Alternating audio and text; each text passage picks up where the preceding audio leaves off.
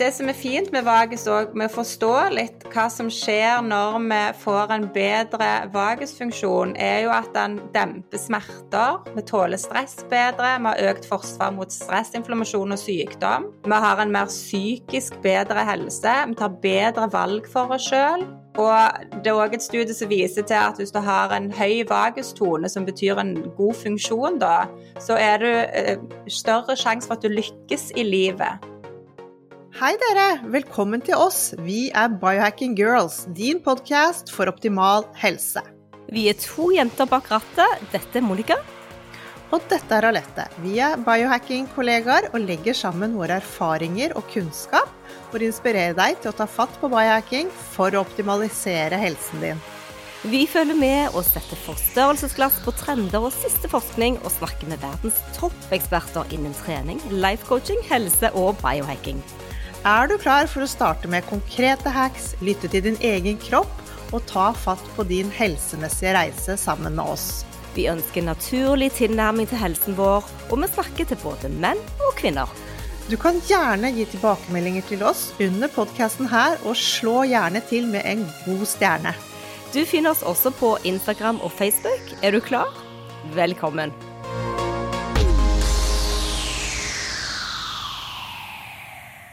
Sliter du med magesmerter, stress, vektøkning, dårlig søvn eller kanskje forstoppelse? Eller en følelse av å kjenne deg allergisk og du synes ikke at de helsetiltakene du gjør, virker? Ja, da er nok denne episoden noe for deg. Vi skal snakke om en nerve i kroppen som påvirker tarmene og hjernen, og som kan være grunnen til at du ikke fordøyer maten så godt, eller at du ikke opptar næringen slik du burde. Vagusnerven er den lengste hjernenerven vi har, og forbinder hjernen til alle de store organene. Og den sender signaler til og fra hjernen til ansiktsmuskler, lunger, hjertehals og fordøyelseskanalen. Når vi snakker om forbindelser mellom kropp og sinn, eller tarm- og hjerneforbindelser, er det denne fantastiske nerven vi snakker om, vagusnerven.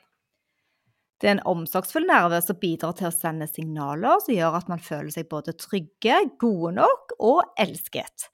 Bare det å klappe en hund eller en katt kan stimulere vagusnerven, og når man føler kjærlighet, så blir vagus stimulert og slipper ut feelgood-hormonet oksytocin. Og det er det samme hormonet som utskilles når man ammer babyen. Det er klart denne nerven er viktig for vårt mentale og spirituelle liv, men det er også essensiell for vår fysiske helse ved at den utfører både sensoriske funksjoner, som ved berøring bak øret, fra tarmene, fra bakre del av tungen, også motoriske funksjoner, som ved muskler nær den øvre delen av ganen, og ved å stimulere muskler i hjertet, hvor det rett og slett bidrar til å senke hvilepulsen vår.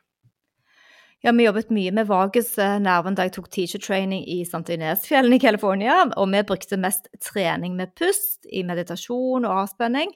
Og når vi puster dypt, så stimuleres vagusnerven og trigger det parasympatiske delen av oss og sender signaler til de indre organene, som hjerte og hjerne, på at vi er trygge og at det fins ro i oss og rundt oss. Ja, det er gjennom yoga jeg også har mine erfaringer med vagus, for det er jo en stor del der hvor vi både mediterer og bruker pusten, som du snakket om. Men vi bruker denne nerven også i dagligspråket vårt, når noen går oss på nervene f.eks., eller når vi har en magefølelse. Dette er vagus som kommuniserer direkte til oss. Vi må stadig øve oss på å lytte, for når man lytter til vagus og jobber med den, da skjer det helsemessige endringer. I dag har vi en gjest fra Stavanger, sånn som meg. Hun heter Anette Løno, og hun er daglig leder av Nervusklinikken. Hun har 16 års erfaring med behandling av alle typer helseplager. Og Anette holder seg oppdatert på det siste innen forskning, innen naturlig og helhetlig helse. I tillegg tar hun årlige kurs innen både nevrorefleksologi og mestringsmedisin med lege Audun Mysja. Anette er podcaster sånn som oss, med den populære Helsetipspodden, så den må du lytte til. Og vi har hørt at hun drømmer om å skrive bok. Velkommen til Biohacking Girls, din podkast for optimal helse. Velkommen til oss, Anette, og tusen takk for sist! Takk i like så. Det var veldig kjekt å få lov å være gjest i deres podkast òg. Og denne gangen så gleder vi oss, for nå skal vi få lære av deg. Ja, og da skal jeg jo snakke om det som jeg egentlig er aller mest opptatt av, altså. Ja, det er helt riktig. Vagusnerven. Hvordan ble du interessert i vagusnerven? Jeg er jo utdanna som nevrorefleksolog og har jobba som det i 16 år. Og i nevrorefleksologi så fikk vi for en del år siden på et videregående kurs en vagusbehandling. Og primært så begynte vi vel egentlig å lære om at det var hovednerven i det parasympatiske nervesystemet som aktiverte sant, ro og trygghet, eh, hvile. Og så behandler jeg jo masse stress. Eh, pasienter med mye stressrelaterte plager, så da var jo det veien å gå. Men det som undra meg sånn da, at når jeg begynte med den vagusbehandlingen, så kom pasientene tilbake igjen og sa at ja, nå hadde de skifta jobb, og de hadde begynt å ta bedre valg for seg sjøl, fordøyelsen ble bedre, allergier forsvant, utslett forsvant, de sov bedre. En hel haug med ting. Og så var det sånn Hvorfor skjer dette når jeg stimulerer vagus? Og så var det sånn OK, dette må jeg jo finne ut av. Og så begynte jeg å lese forskning, og så har jo det bare kommet mer og mer og mer forskning på vagus. Og med det da så begynte jeg å forstå hva er det egentlig dette går ut på. Og det skal vi snakke mye om i dag. Eh, fra stavangerdialekten til stavangerdialekten. Det er godt. Jeg har, litt, andre, jeg har jo bare lette her med Oslo-dialekten. Oslo Men du, eh, er det sånn at alle som kommer til deg, får en eller annen form for bedring med Vagus-tilnærmingen din, da? Ja, det er jo stort sett det. Og det er det som er så fint, fordi at det er en behandling som de aller fleste får veldig god respons på. Den der umiddelbare reaksjonen er jo, som jeg har oppdaga, for når vi får aktivert vagus, så er det noe sånn umiddelbart som skjer hos mange. Og det er at en gjerne begynner å svelle, en får litt tårevæske. En kan kjenne en ro, plutselig puste litt lenger ned. Og den der hovedtingen som skjer som er litt underlig, det er at det begynner å boble i magen. Og da vet jeg at nå er vagus aktivert. Og det er ikke en sånn sulten rumling, men mer en sånn bobling om noen sier 'Å, unnskyld, eh, jeg tror ikke jeg er sulten', altså. Jeg bare 'Nei, nei, nå er det vagus som er med'.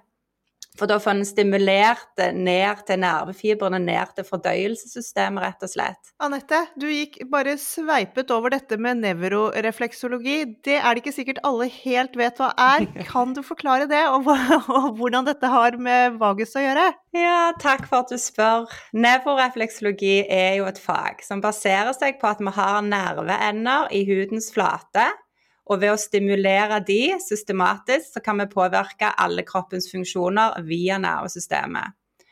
Så f.eks.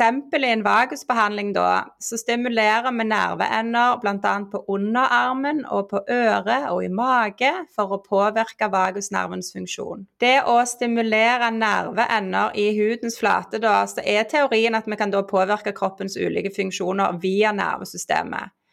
Og det som er litt kult, syns jeg, er jo at eh, Nobelpris i medisin for eh, to år siden gikk til to forskere som beviste at med mekanisk trykk, kulde og varme på huden kan påvirke funksjoner i, inn i kroppen, da.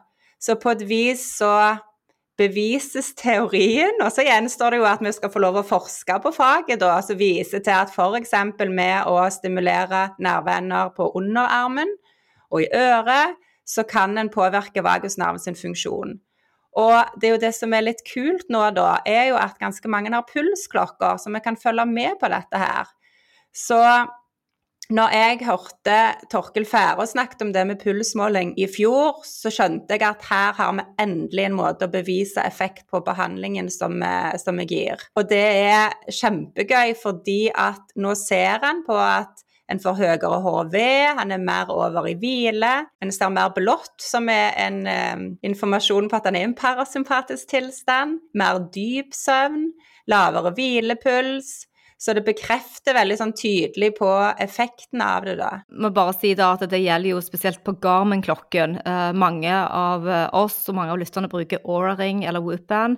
Og der kan du ikke se det så tydelig, for den måles jo da eh, i løpet av natten, ikke sant. Så du får ikke den samme målingen og registreringen av vagustreningen. Men du, de som kommer til deg, hvordan vet man at man har en dårlig vagusnerve? Hva er årsaken til at de kommer til deg? For de vet jo sikkert ikke noe om vagusnerve når de først kommer. Nei, dessverre så er det ikke så mange som vet om vagus ennå. Men det som er typiske symptomer som folk kommer med, er jo gjerne at de sover dårlig, har kroppssmerter, jobber mye med utbrenthet, fordøyelsesplager, allergi. Og så er det nesten summen da av alle symptomene som gir meg en informasjon på at her her er det iallfall en vagusproblematikk. Så typiske symptomer, som kan være mange, som mange kjenner seg igjen, er jo svimmelhet, heshet i stemmen, øresus, hodepine, migrene, brystsmerter, brystspenninger, generelle kroppssmerter, inflammatoriske tilstander, eh, manglende effekt av trening, gjerne veldig utmattelse, eller problemer med å roe ned. At du bare føler kroppen og hjernen egentlig går på høygir. Sant? Og det er fordøyelsesplager, til og med eh, infertilitet, ser jeg, eh, er vagus involvert i. Og der viser forskningen enn så lenge at vi har vagusnervefibre ned til kvinnens eh, kjønnsorganer. Ennå ikke bevis på menn, men eh, på bakgrunn av ja, min erfaring, men òg det logiske å tenke at selvfølgelig gjelder det menn òg, da. Så det er en hel haug med symptomer, og jeg tror veldig mange kjenner seg igjen i fordi at dette hører opp mot stressystemet, da. Men hvis vi skulle hjelpe lytterne til å identifisere noen problemer selv her, da, og vi tenker at denne nerven gir informasjon fra hjernen til kroppen og fra kroppen til hjernen. Mm. Hvis vi går eh, si, skrittvis gjennom dette og går først på vagus og fordøyelse. Hva er ja. tegn, og hva ser du av resultater etter trening? Det er jo en direkte kommunikasjon mellom mage, tarm og hjernen via vagus. Sånn at hvilke tarmbakterier vi har, og tarmbakteriene vi har, sender signaler til vagus ut ifra det med til og med depresjonsmarkører. Sånn at mage-tarm, og det er jo gjerne noen som kan kjenne på den der magefølelsen eller òg oppblåsthet. Det finnes studier nå som viser til at IBS er nok mest sannsynligvis knytta opp mot vagusnervefunksjonen. Sånn at fysisk aktivitet og bevegelighet styrker jo vagusnerven, som igjen fører til at vi får en bedre fordøyelse. Og igjen kan tarmbakterier vi har, påvirke psyken vår. Så her er det jo en kommunikasjonslinje som går fram og tilbake, og de sier vel at 80% av kommunikasjonen fra kropp går via vagus. Og da tenker jeg at det er viktig å fortelle hva vagus er for noe. Og det er jo en hjernenerve, der de nå har funnet ut at det er 160 000 nervefibre som sprer seg nedover fra hjernestammen i to bunter på utsida hals og nedover ut i kroppen. Og per nå så forskes på for å finne ut disse 160 000 fibrene og hva de egentlig gjør. For det er mye som ikke er oppdaga ennå. Men mye av forskningen som har kommet per dags dato, avdekker vel egentlig, mener jeg i alle fall, så tyder, tyder tydelig på at det er vagusnerven som sammenkobler alle kroppens funksjoner. Både kropp, sjel og sinn, psykisk, fysisk og emosjonelt. Eh, og det er òg til og med snakk om mer åndelige aspekter av det òg. Så det er derfor jeg er så gira på dette her òg, for det må ut. For da, nå vil vi på en måte forstå eh, hva. Og Forbes kom eh, nylig ut med en artikkel om at vagus vil revolusjonere medisinen. For plutselig gir det oss en forståelse vi ikke har hatt tidligere. Ja, dette er jo bare kjempespennende, og det er, det er, gøy at det er så mye ny forskning på dette nå. fordi jeg tror ikke så veldig mange vet så mye om vagusnerven foreløpig. Men nå har vi snakket litt om vagus og fordøyelsen. Også hvordan påvirker vagus lunger, pust og den kardiovaskulære aktiviteten vår? Vagus påvirker og egentlig styrer både vår hjerterytme, er med å styre vår hjerterytme, og og hjerterytmevariasjonen, som er altså pulsvariasjonen. Sånn at den gir lavere hvilepuls, regulerer ned blodtrykket vårt og styrker helt klart hjertehelsen vår. Samtidig er det nervefibre som går i kontakt med både lungene og diafragma, der diafragma egentlig er hovedpustemuskelen vår. Så et av symptomene på redusert vagusfunksjon er jo det at vi puster veldig overflatisk og har problemer med å streve strever med å få god pust ned i magen og utvide den der utvidende pusten, da. Og det er jo det vi har jobbet mye med både i yoga og pilates, at vi jobber bare sånn til lytterne så de forstår når du sier den utvidede pusten, at du liksom holder på ribbekastene, og det er en sånn lateral eh, Du, du utvider ribbekassen til siden, sant, og får mer Mm. luft inn i diafragma. Men kan ikke du forklare litt òg hvordan diafragma virker, og hvordan det òg er knyttet til vagus, og komme litt mer inn i litt sånn konkrete bilder eller tips, og lytterne forstår hvordan man kan eh, bruke denne vaguskunnskapen? Ja, for diafragma er jo en muskel som tidligere de trodde bare skilte overkroppen vår, sånn at organene våre ikke på en måte skulle komme opp i halsen. og så har de skjønt oi, her er det mer. Så den er òg med å styre eh, pulsen og pusten vår. Diafragma òg direkte kontakt fysisk med tarmen vår, og òg i kontakt med hjertet. Og hvis vi har en nedsatt fungerende diafragma som er, gjør at den er mer stiv og mindre bevegelig, så kan det egentlig gi signaler til kroppen at hei, det er fare på ferde. Og så øker stressmekanismen i kroppen. Så en måte å aktivere vagus på er jo å bruke denne her diafragmapusten.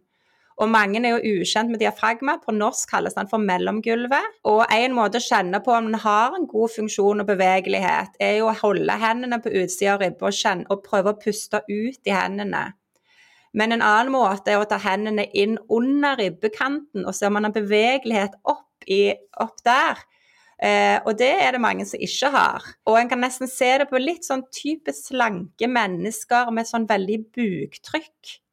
Som magen er oppblåst, men en kan nesten se at det er liksom ikke er mykt, mykt magefett.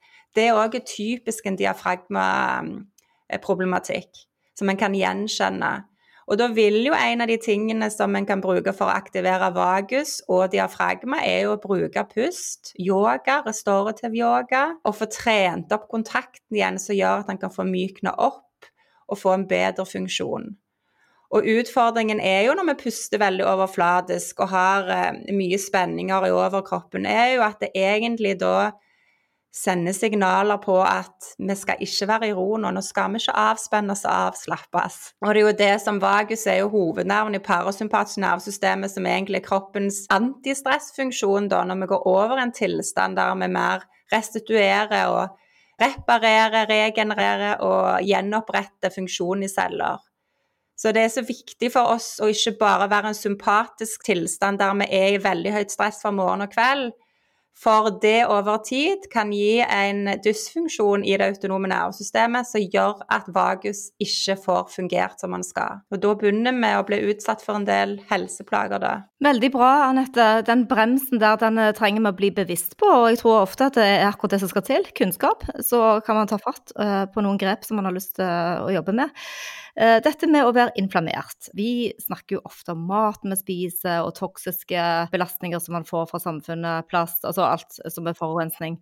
At det er grunnen. Men hvordan kan du knytte vagus til inflammasjon i kroppen? Vagus har et nettverk som egentlig konstant, akkurat som bitte små detektiver, som konstant leter etter inflammasjon i kroppen for å kontrollere betennelse. Så ofte sant, så eh, oppfatter en at det er betennelse i kroppen, og så sendes signaler på hvordan vi på en måte skal angripe dette og fjerne det, og så skal disse responsene på en måte roe seg ned igjen.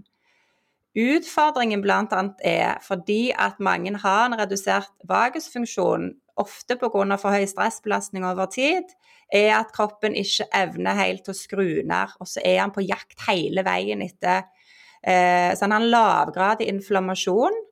Eh, og jeg tenker òg at en grunn for at vi får denne lavgradig inflammasjonen, at vagus er så høyaktiv i dette arbeidet, er fordi at vi har jo en del fremmedstoffer som ikke er naturlig for kroppen vår. Både med kremer vi bruker, maten vi spiser, forurensning rundt oss, sprøytemidler for det vi spiser.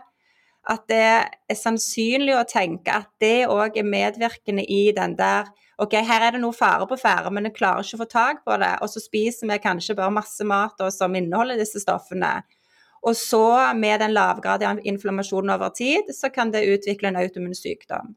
Og det er iallfall over 200 autoimmune sykdommer i dag, og stadig flere, flest kvinner. Og en måte å få gjort For én ting er jo liksom det å få aktivert og styrka vagus, men vi må jo gjerne òg luke ut det som gjør at vagus ikke får lov å fungere. Så dette er jo sammensatt og komplekst. Samtidig så blir jeg optimistisk fordi at det er mye vi kan gjøre sjøl for å både aktivere vagus, men òg styrke, som gjør at alle disse prosessene vil fungere bedre. Ja, og det som også er skikkelig kult, er jo at nå snakker vi jo helhet. Nå er vi ikke tilbake på bare en som titter i munnen din, en som titter på tarmene dine, men at alt dette henger jo virkelig sammen. Jeg lurer på om du ser, når du begynner å stimulere vagus hos dine klienter, vil inflammasjonene da bli bedre? Ja, og en markør på det er jo nettopp det som går på måling av HRV, fordi at vagusnerven sin effekt kan måles indirekte med å se på hjerterytmevariabilitet, altså HRV og pulsvariasjon som vi snakker om. Så det er én ting en kan måle, men nummer én er jo selvfølgelig hvordan pasienten har det. At en merker at en har mindre smerter, går bedre på do, får mer energi, klarere hud, bedre mental helse. Sånn at det jeg ofte ser på helhetlig tillegg til behandling, er jo hva pasienten kan gjøre sjøl for å for det med autoimmune sykdommer så har vi egentlig gjerne tenkt tidligere på at ok, har du fått det, så må du ha det resten av livet. Sånn er det bare.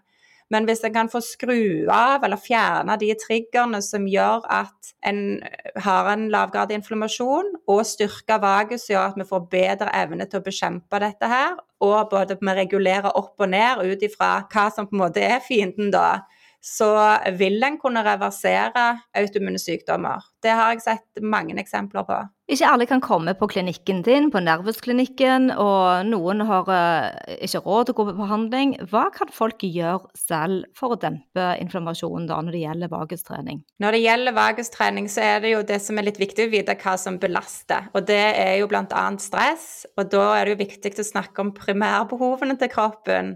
For lite søvn, for dårlig mat, for lite bevegelse, for lite hvile, for høyt stress, dårlige, krevende relasjoner er viktig å nevne. Samtidig så ser han jo det med å faktisk ta seg pauser, ta seg mikropauser i løpet av dagen. Det å senke stressbelastning som en har. En ting som aktiverer stress som mange ikke er klar over, er jo det der med å konstant sjekke mobilen, se på nyheter, den der fòringen av informasjon hele veien. For for mye støy og for mye inntrykk kan òg aktivere opp stressresponsen i kroppen. Og det skal de gjøre. For det at hjernen vil jo hele veien skanne er det fare på ferde her. Og hvis en oppfatter at det er fare for det at vi leser om en krig et annet sted i verden, så får han en respons på stress i kroppen. Så det der å ta seg pauser med å, å ta seg fri fra, fra, ytre stimuli, det å gå i naturen Og så er det litt kult, fordi at vi kan gjøre mye sjøl, og det er gratis, og det er for så vidt enkelt å gjøre. Og nå nevnte jeg det med pust. En måte å puste på som en ser har hensikt for vagus, er jo å senke pusterytmen. Puste saktere, men med lengre utpust enn innpust, og helst gjennom nesen. Det finnes mye forskning på det med pust og vagus, og det er mange måter å puste på, men hovedmålet er å puste saktere. Da gir han egentlig signaler til kroppen at her er det litt trygt og rolig akkurat nå, nå kan stresset reguleres ned. Um, en ting, ja, kan du si hvordan jeg starta morgenen i dag. For her starta det med at det var en treåring som kom og sa han hadde bæsja. Da var det full gang med bleieskift og tjohei. Men for at jeg skal få med meg vagus i starten av dagen, så starter jeg med å bevege meg rolig, puste sakte. Jeg tok en dusj, og da bruker jeg kulde, for det at en ser nå at det å bl.a.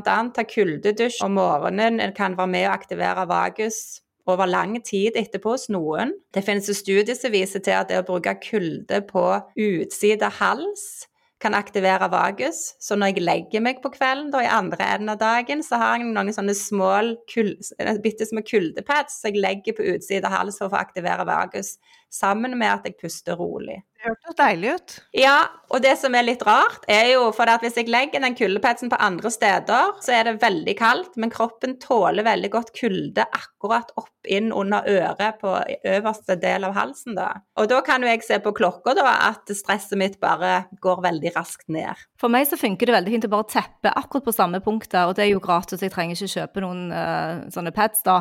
Det skal jeg teste ut. Har du ikke gjort det? Bare... Nei, jeg har ikke det. Jeg, har, jeg, bruker, jeg, jeg masserer, og så har jeg en sånn lav frek frekvent laserterapi her på klinikken nå. Så nå holder jeg på å bruke den på, på utsida av hals for å sjekke om det òg har effekt. Og en annen ting som jeg gjør da jeg tepper på kronen på hodet, Mm. det, det har- gir litt samme effekt. Og så gjør jeg tre runder. Ja. Ja, det var et veldig godt tips. Og så er det jo litt det der med, når vi er tilbake til mage, tarm og kosthold, så viser jo forskning det at det å spise plantebasert kost og fermentert mat og drikke er med å gi god næring til tarmfloraen, som igjen styrker vagusnerven, som igjen kan styrke vår mentale helse. Der er det én kobling i et studie. Og så er det andre studier som kanskje snakker også om det å spise høyt med proteiner, eh, Ja. hvordan det sammen med fett mm. og kan eh, bidra. Så, så det er jo Altså, kosthold er jo eh, et tveget sverd, vil jeg si.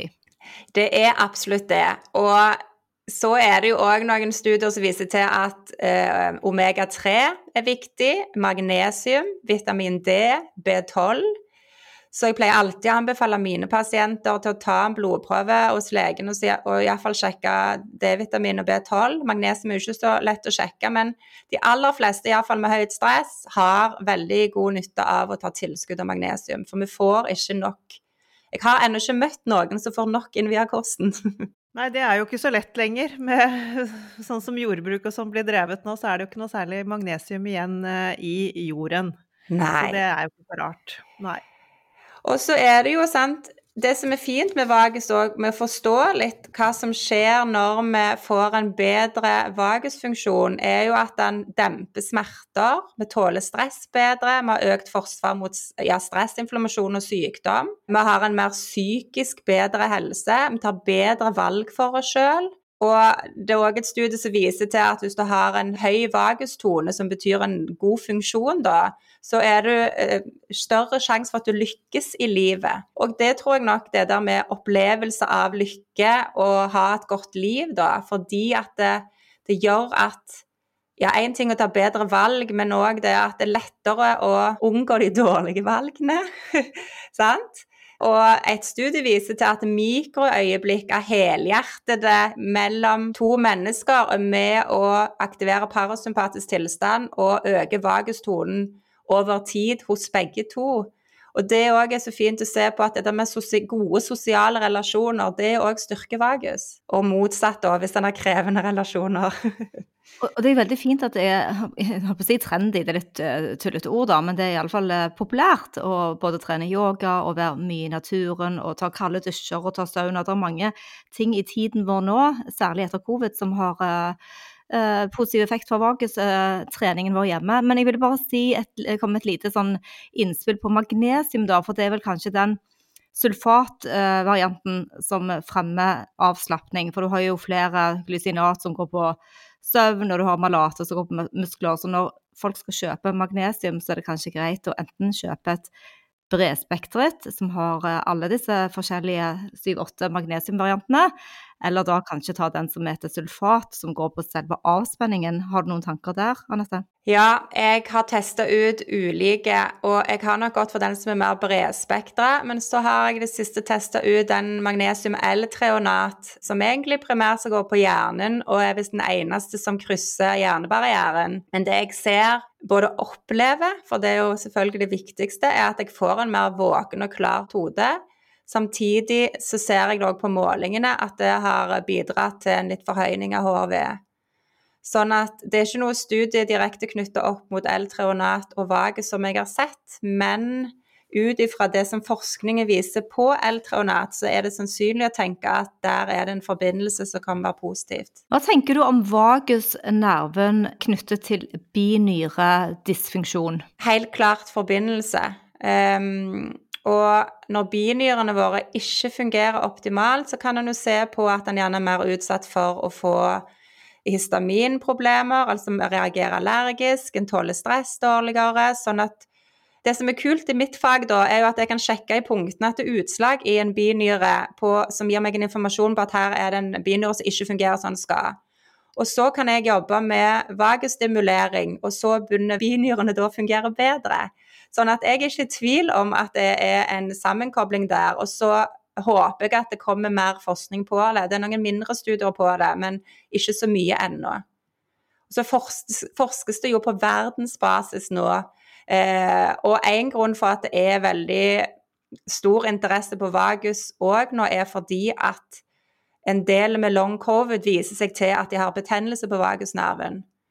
Sånn at eh, med det, og at det er så høye tall på det, så er det ekstra ja, Hvis en skal tenke at det har kommet noe positivt ut av det, så er det jo det at vi kanskje nå får mulighet til å lære enda mer om vagus. Men hvordan sjekker man betennelse på vagus? Det, det har ikke jeg kunnskap om i det hele tatt. De har eh, rett og slett brukt ultralyd på utside hals og ser en fortykkelse der. Sånn at det er bevist. Og jeg har ikke sett at det er gjort i Norge, men i en del andre land. Og jeg vet i Canada nå så har de et stor um, for, eh, eh, eh, ja, forskning på der en har fått vagestimulerende apparater, altså transkutan vagustimulering, som er et apparat som du kobler opp på øret, som gir elektriske stimuli for å aktivere vagus. da.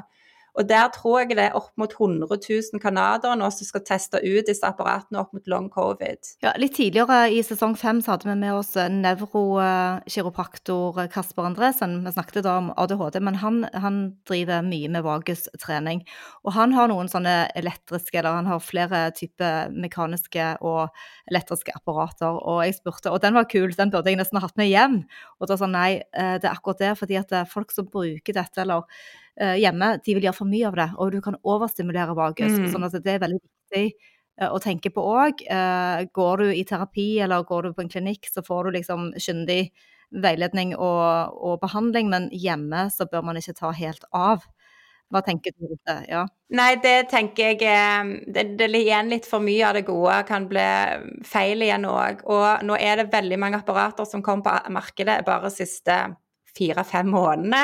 Jeg har ikke testa ut noen ennå, for jeg venter litt på det er ganske høy pris på en del av de, så jeg venter på å få gode nok studier som viser til hva som har god effekt. Men det som jeg ser igjen på mange av apparatene, er jo at det skal som regel ikke brukes mer enn tre ganger i uka. Det er en pågående migreneforskning nå, migrene med aura i Norge, der disse apparatene blir brukt. Eh, og der har jeg forstått at de skal bruke det 20 minutter tre ganger i uka. Så det kommer mye mer, og det som òg er fint, det er jo at en kan sant, få tak i apparater og få hjemme, men det skal brukes ut ifra skal ikke overdrive. Men det er så fint da, at han kan overdrive på det som går på kulde, egentlig. Og, og det å prioritere nok søvn, eh, det å bruke pusten, eh, kan vi gjøre på en måte så ofte en vil. For det er ikke noe som overstimulere noe som gjør at, eh, at han blir feilbelasta da. Nei, og det er jo det som er så fint, at det er så utrolig mye man kan gjøre selv når det gjelder eh, stimuleringen. Og det er jo klart det, at når dette blir populært, så kommer jo folk med ting som de skal selge for at dette skal bli bedre. Sånn er det jo alltid, så man må være litt forsiktig. Og det er kjempefint at du venter og ser mm. resultater av disse tingene før du investerer i sånne ting. Men har du noen apparater på din klinikk? Ikke noe elektrisk stimulering ennå. Jeg holder jo på å teste ut det med lavfrekvent laserterapi mot vagusnerven. Og der har jeg sett at noen satt veldig god effekt, og det er gjerne steget med ti på HRV-en, veldig mange, som har strevd å få den opp, selv med gode tiltak. Men så er det noen som har fått for mye stimulering der det blir for høy aktivering, som igjen gir belastning. Så der holder jeg på nå å finne ut av hva type pasienter kan ha nytte av det, mens hos andre så kan det bli for mye igjen da. Så det er òg noe som jeg holder på, på å forske litt på egen hånd. Spennende.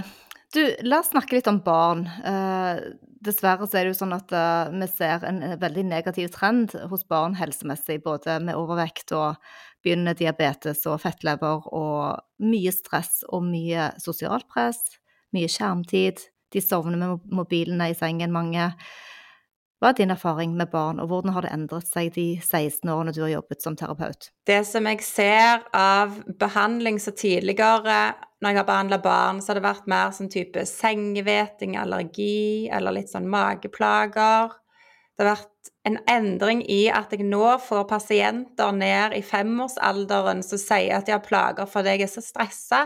Og første gangen jeg hørte det, så tenkte jeg ja, sikkert hørt foreldrene som, som uh, har sagt det og kanskje ikke helt forstår hva det går i. Men når jeg da spør mer hva mener du med det, at du er stressa, så forklarer de at nei, jeg holder på å leke, og så blir jeg alltid avbrutt, jeg får ikke lov å gjøre ferdig det jeg holder på med. Så de beskriver som regel ganske godt at det er faktisk stress.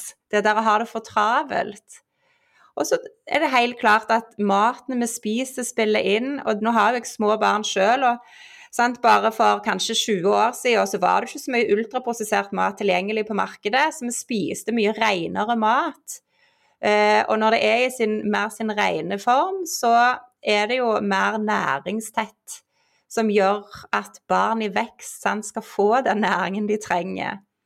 Eh, og så bor jeg rett med en ungdomsskole, og der ser jeg de går nå når skolen har starta igjen, med en, en, såkalt energidrikk i hånda og en energibar, og ser ned i mobilen og tusler bort til skolen. Så jeg uroer meg for barn og ungdom, for det at vi trenger å jeg tenker at vi trenger å strukturere det som gjør at det hjelper de til å ta bedre valg òg. Og jeg har veldig mange barn og ganske mange ungdommer til behandling med de har nok fått ulike diagnoser, mange med ADHD, der vagusbehandlingen har en kjempenytte.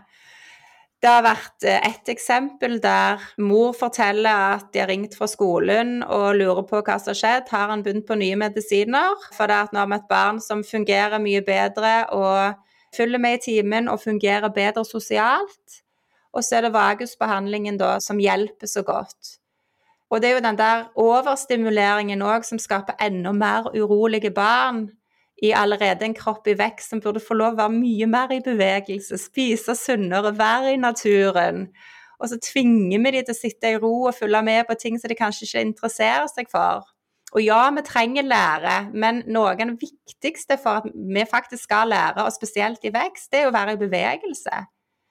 Um, så det burde vært pålagt med minimum gjerne starte dagen med halvtime bevegelsesaktivitet. Um, og nå er det bare mindre mindre av fag i forhold til sang, f.eks., som ble tatt vekk fra læreplanen. Sang er jo en av de tingene som aktiverer vagus. Det å bruke og stimulere halsmusklene aktiverer vagus. Så synging, nunning, gurgling eh, kjempegode metoder å bruke for å få en vagusaktivitet. Og det over tid vil òg styrke vagus, som gjør at den får bedre funksjon. Sånn at sang inne i skolen, og vi har sant, urolige klasser og mobbing og uro Der er det mye av det som går på stimulering av vagus, som vi kunne satt inn i systemet pust, meditasjon, bevegelse, som hadde gjort at eh, de som vokser opp i dag, får det mye bedre. En annen ting jeg tenkte på, det var at uh, hvis du spoler sånn 20 år, 15 år tilbake, så kunne du høre om noen som hadde en glutenallergi eller en intoleranse.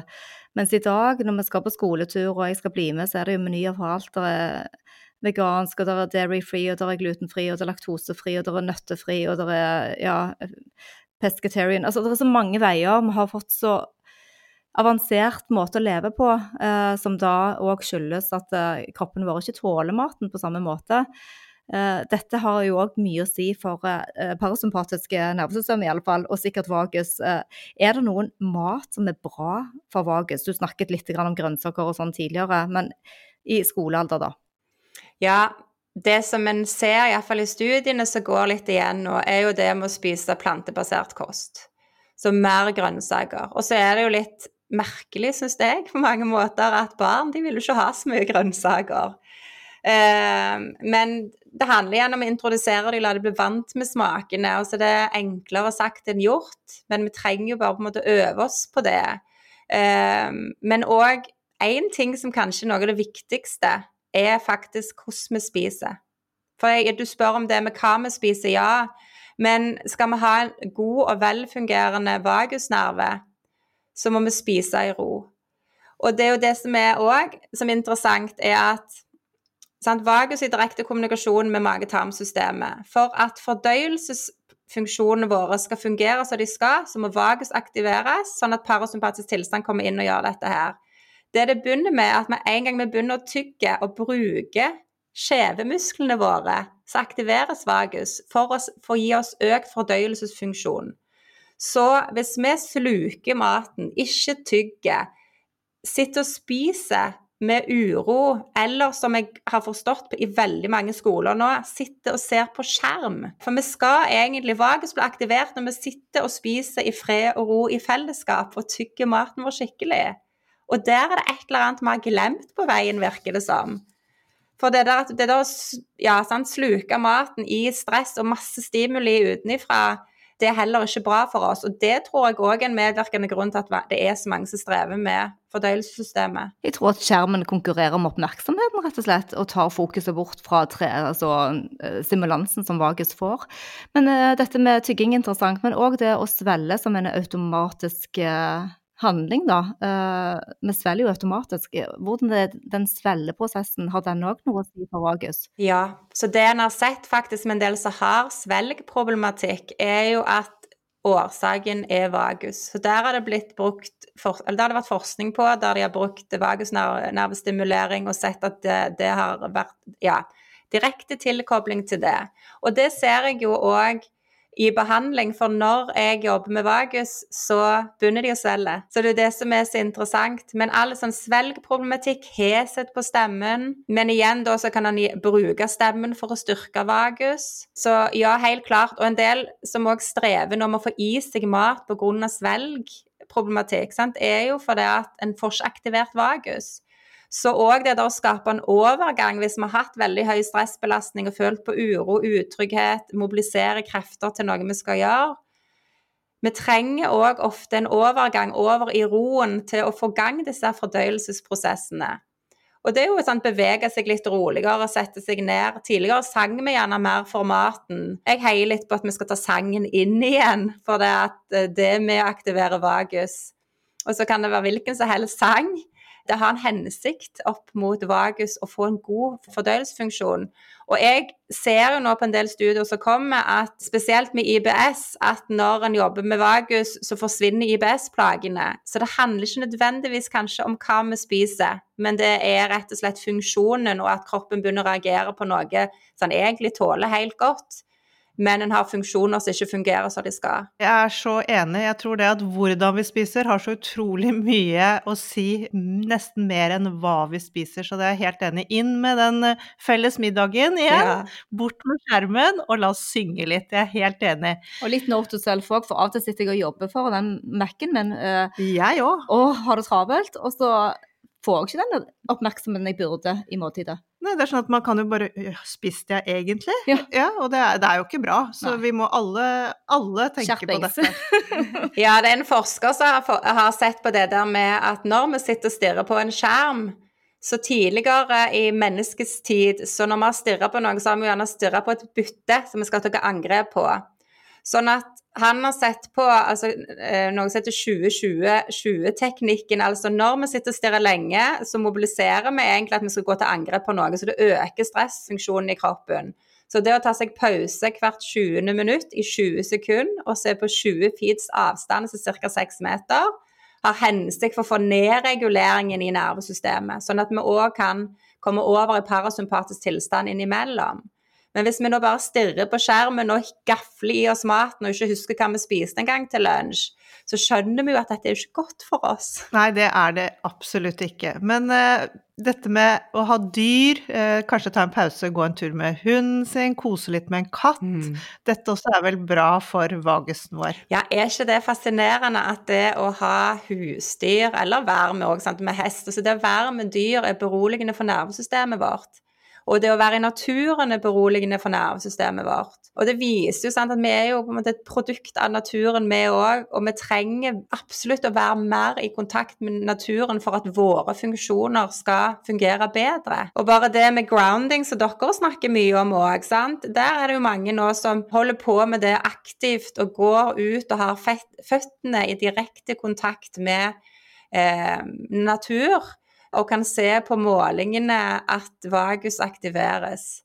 Og typisk kanskje en delmerke på det er jo at når han er ute og går og trasker gjerne litt på plenen, da, så begynner han å gjespe. Og da vet han ok, nå er vagus aktivert. Jeg er ute for det at Han begynner ikke å gjespe fordi han er trøtt, men han får en, en, en tydelig det er kroppen som kommuniserer med oss. Sant? Så hvis vi skulle bare ønske at vi lærte å lytte bedre til å forstå, for da kan vi òg ta bedre valg, Men med kunnskapen om vagus nå, så vil vi lettere også forstå hva er det kroppen egentlig prøver å fortelle. da. Og dette med dyr er jo òg en liten digresjon at det òg bringer god tarmflora, mikrobiota. Ja. Fordi de slikker og snuffer og er borti overalt, så vi blir jo sterkere i hele immunsystemet vårt òg. Og så er vagus òg involvert i hvordan vi omgir oss med andre mennesker. Der finnes det noen studier som viser til at hvis vi har en god vagusnervefunksjon, så klarer vi lettere å gjenkjenne omgivelsene våre og andre mennesker på om de er sinte eller glade for at vi føler oss trygge eller utrygge. Og det er jeg sikker på at en grunn for at mange har følt på mer stress under korona, for å nevne det, når vi har gått med munnbind, og miste masse informasjon til å vurdere er det mennesket trygt for meg eller ikke. Så der òg trenger vi å forstå mer at Vagus er involvert i tolkning av omgivelsene våre, om dere er trygge å være med, om jeg har det fint sammen med dere, eller om jeg egentlig skal prøve å komme meg unna, for her er det noe som ikke er bra for meg. Så ja, det er jo veldig fascinerende at det, sant, kobler seg inn mot sant, relasjoner, eh, fordøyelsen, kommunikasjon med kropp, hjerne, stress inflammasjon, reparasjon, regenerasjon, fornyelse av celler. Så det er jo et sånn intrikat nevroendokrint immunnettverk som hele veien jobber for å opprettholde balanse. Og Det betyr at det er hormoner, det er nervesystemet og det er immunsystemet som jobber kontinuerlig sammen for å holde oss friske og sørge for at vi skal ha det bra. Er ikke det rått? Altså, Du er en helt perfekt podkastgjest, Anette. fordi dette var mitt spørsmål nå. Vi hadde tenkt å si kanskje du kom med en liten sånn oppsummering nå på det vi har snakket om. Ja. Og den tok du på strak arm. Uh, så det var helt uh, suverent. Uh, vi har fått mange gode tips. Men før vi gir oss her nå vi, Ja, jeg kommer sikkert hjem til Stavanger snart. Og hvis jeg stikker innom på klinikken din, hva skjer da hvis du ville møte meg for første gang? Hvordan, hvordan møter du meg? Ja, Først og fremst er du hjertelig velkommen, så jeg håper du kommer. Ja. det som jeg starter med, er jo å ha en samtale på hvordan du har det. Hva symptomer du har, og kartlegge det. Og gjerne hvordan du har hatt det tidligere, fordi at oppveksten vår, hvis vi har hatt traumer eller utrygg barndom, så spiller det òg faktisk inn på hvordan nervesystemet og vagus fungerer. Så det å få en oversikt på alle dine symptomer gir meg informasjon på hvor jeg skal begynne å jobbe henne. Og som regel så starter jeg jo generelt med en vagusbehandling, fordi at allerede da vil en kunne oppleve at kroppen får en bedre evne til å begynne å fikse opp i ting sjøl òg. På benken så går det på at jeg setter noen sånn bitte små magnetkuler på punkter på ørene, som går direkte på vagus. Det ene punktet er for hvor stress og vagus fungerer her og nå, og det andre går på vagus og belastning måtte, tidligere i livet. Så det er to tilnærminger der. Og så masserer jeg på underarmen, og da når viser jeg armen. Da har vi rett og slett nervepunkter som går på stimulering av vagusnerven, som de jobber opp med på hele underarm. Og i tillegg så er det gjerne noen magepunkter som går på vagusstimulering. Pleier òg å jobbe på mot hypotalamus. Hos noen du nevnte det med binyrene, kan det være veldig nyttig å ha med hippocampus. Ja, så det er litt sammensatt av hva type problematikk du har. Men hele veien i forbindelse med hjerne og mage? Ja. Og sant, forbindelse hjerne-mage, at en skal få bedre signaler. Så vil jeg gjerne jobbe på vagusnervestimulering opp mot det som går på eh, punkter direkte på fordøyelsessystemet. Men så ser jeg jo for mange så er det veldig nyttig å jobbe med hele systemet. For når hele vagus fungerer bedre, bare ikke deler eller noen av nervefibrene, så får han mye bedre resultat på det. Tusen takk, Anette. Dette var opplysende. Og eh, for dere som lytter på podkasten her nå, så har jo du, Anette, en veldig fin episode som vi har hatt glede av som heter rett og slett Vagus, på din egen Helsetipspodden. Så gå gjerne inn og hør den i tillegg til denne episoden her. Men hvordan finner folk deg? Jeg er utenom på Nervusklinikken i Stavanger, så er jeg veldig aktiv på Instagram. Og det er jo et sånn ja, enormt engasjement i For at jeg har vel egentlig hatt en sånn Når jeg har oppdaga vagus og hva den gjør, og hvor viktig den er for helsa vår, så har jeg fått et sånn engasjement i at dette her må alle vite om, for det er så viktig. Um, så jeg deler mye på Instagram og bruker mye tid på det. Uh, og leser ukentlig alt som er av nye artikler og forskning, og deler det. Og bruker mye tid på å forklare det enkelt, for det er enormt komplekse eh, ting, dette her. Men det å forklare enkelt hva en gjør, men òg komme med tips på hva en kan gjøre med det sjøl òg. Så på Instagram, hvis en ønsker å lære mer om dette, så er det det beste stedet. Um, og så takk for at du tipsa om eh, podkastepisoden òg, og der er det jo noen av de tingene jeg allerede har snakket om. Men det der å få påfyll for å forstå hva en kan gjøre daglig For det, det er jo en av de tingene jeg snakker mye om, er Finn noe som er gjennomførbart din, i din hverdag, som gjør at du kan aktivere og styrke vagus daglig. For litt hver dag vil ha en god effekt. Så det trenger ikke være så vanskelig heller. Og da er Instagrammen din uh, alfakrøll og helsetipspodden? Ja, og Anette underscore Loeno. Anette Løno.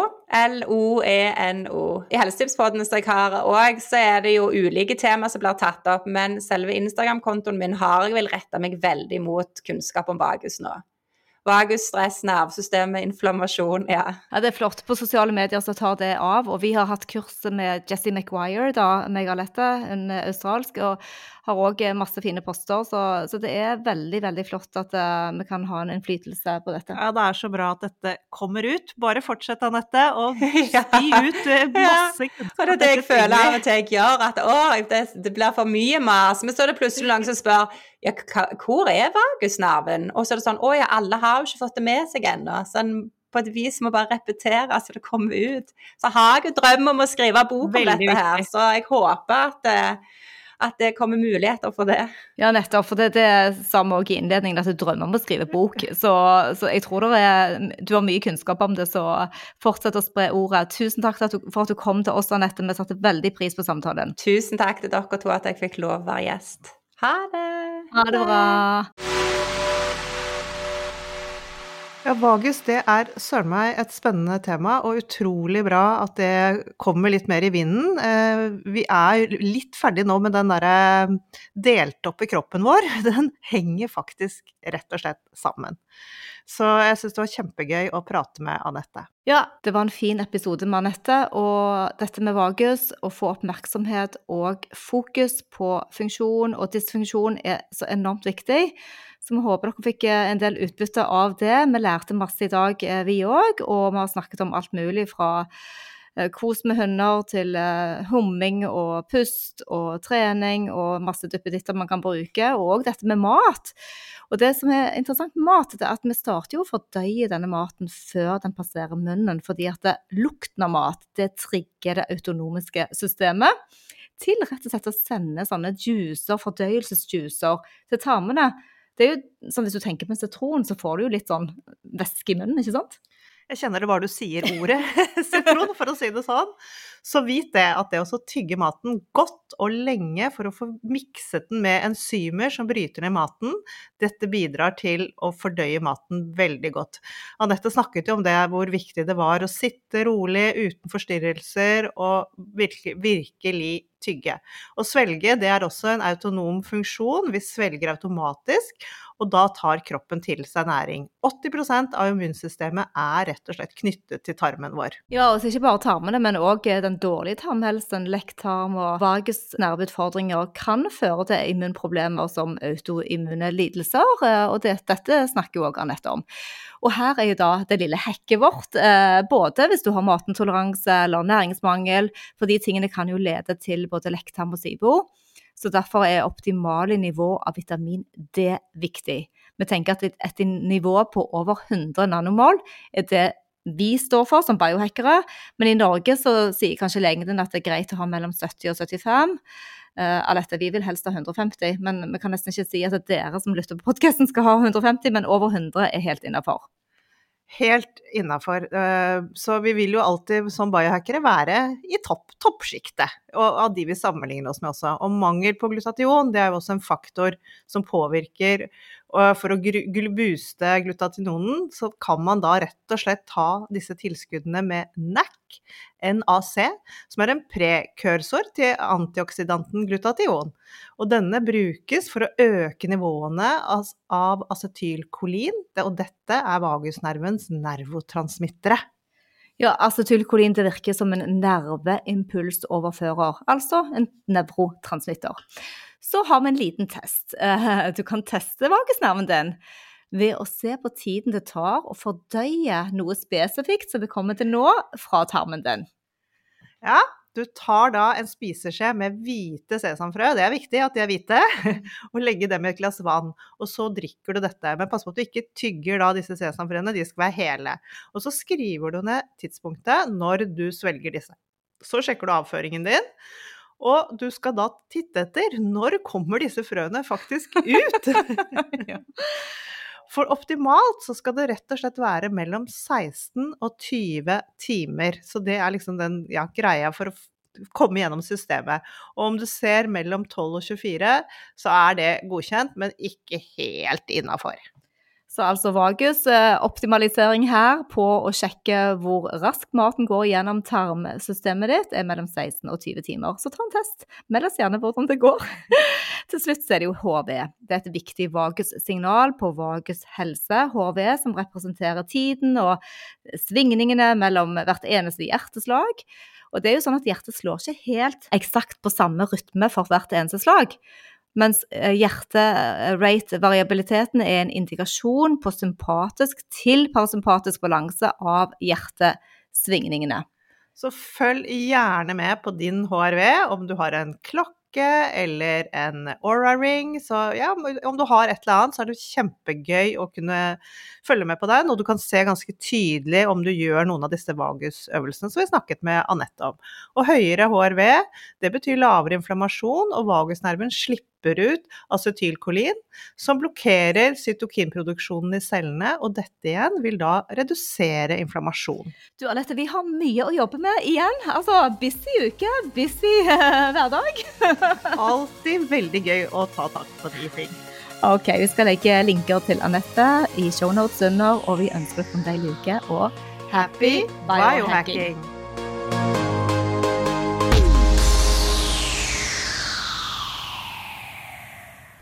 Vi minner om at dere må snakke med egen lege eller kostholdsveileder om dietter og andre spørsmål relatert til medisiner og supplementer. Informasjon vi deler, kan ikke bli brukt til å diagnostisere, behandle, forebygge eller kurere noen sykdommer eller tilstander.